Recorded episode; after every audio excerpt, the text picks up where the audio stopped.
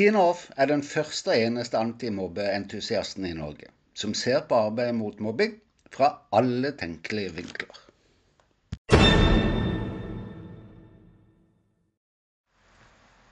Skolestart ender rett rundt hjørnet. Du vet det godt. For noen av oss innebærer det å plukke opp ballen igjen i pågående mobbesaker. Ja, kanskje gjelder det deg også. Uansett må jeg få spørre deg, hva har du tenkt? Hva vil du endre? Ja, hvordan vil du ha det? Og hva kan du gjøre for å få det sånn? Jeg tror også vi voksne yter bedre i trygge og gode miljøer, men at vi enn så lenge ikke fokuserer nok på det. Da må vi sjøl tråkke til. Klart det er mulig. La oss snakke om det. Velkommen til episode 39. Årsaken til at jeg går litt motstrøms i arbeidet og som antimobbentusiasten, er at å sitte på hver vår tue og kun fokusere på oss sjøl, være seg lærertuen, rektortuen, foreldretuen osv., trolig ikke endrer noe i arbeidet mot mobbing og mobbesaker. Vi har allerede sittet på hver vår tue i over 40 år, og hva har vi å vise til?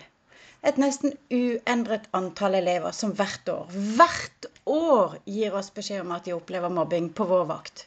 Det får det være måte på og trege i setsen vi skal være. Dessuten tror jeg behovene til oss voksne, også deg og meg, har endra seg gjennom disse 40 årene. Jeg tror behovet for, ja kanskje forventningene om, å få støtte er større nå enn tidligere. Da kan vi jo ikke drive med 'same procedure as every year' uansett om vi heter James eller ikke.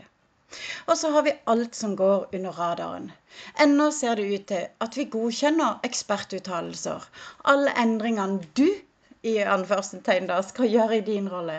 Ja, du vet, hvis bare foreldrene hadde prikk, prikk, prikk. Eller motsatt. Hvis bare rektor hadde prikk, prikk, prikk. Eller læreren, da. Kan vi ikke heller bruke kreftene våre på å finne ut hva vi kan gjøre for å bli best mulig i det å hjelpe barna kjappest mulig?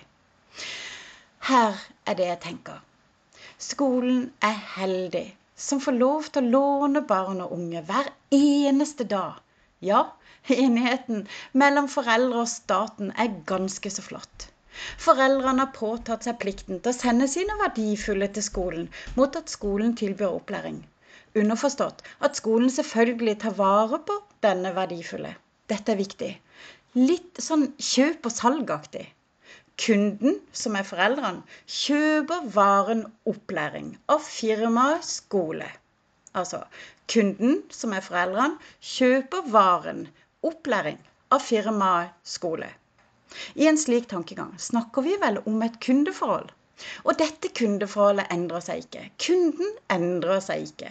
Han eller hun skal fortsatt kjøpe noe og ha forventninger om en solid og ivaretagende vare. Akkurat det samme gjelder i kundeforholdet mellom skole og hjem, tenker jeg da. Foreldrene endrer seg heller ikke, bare når vi fortsatt være de mest verdifulle. Det er først når varen ikke lever opp til forventningene, at samfunnsendringene kan endre dette kundeforholdet mellom skole og hjem. Hvis vi fortsetter denne tankegangen om at det er et kundeforhold mellom skole og hjem, vil en kanskje se hvor underlig det er å lete etter feil og mangler ved barn og unge i mobbesaker og forsøke å, skyve brudd på enigheten mellom foreldre og staten over på foreldrene, og at de ivaretar barnet sitt dårlig og generelt behandler foreldre som vanskelige. Alle som har jobba i butikk, vet at det kan forekomme feilvarer. At måten å takle det på slettes ikke er å mistro kunden, kalle kunden vanskelig eller anmelde kunden til politiet. En får ikke kunden bli da. Og noe mersalg eller anbefalinger det kan en bare glemme. En vet dette i salgsbransjen. Jeg tror det er noe av det første de lærer. Men i mobbesaker er det altså slik sak etter sak får pågå. Skal vi forsøke en annen strategi? Holdninger er viktige. Helt klart. Kanskje du er du og jeg vanskelige når vi møtes i mobbesaker. Men hvorfor er vi vanskelige? Er det fordi vi er usikre? Er det fordi vi er fortvilte? Bærer saksbehandlingen feil av gårde? Opplever vi oss overkjørt? Trampa på tærne?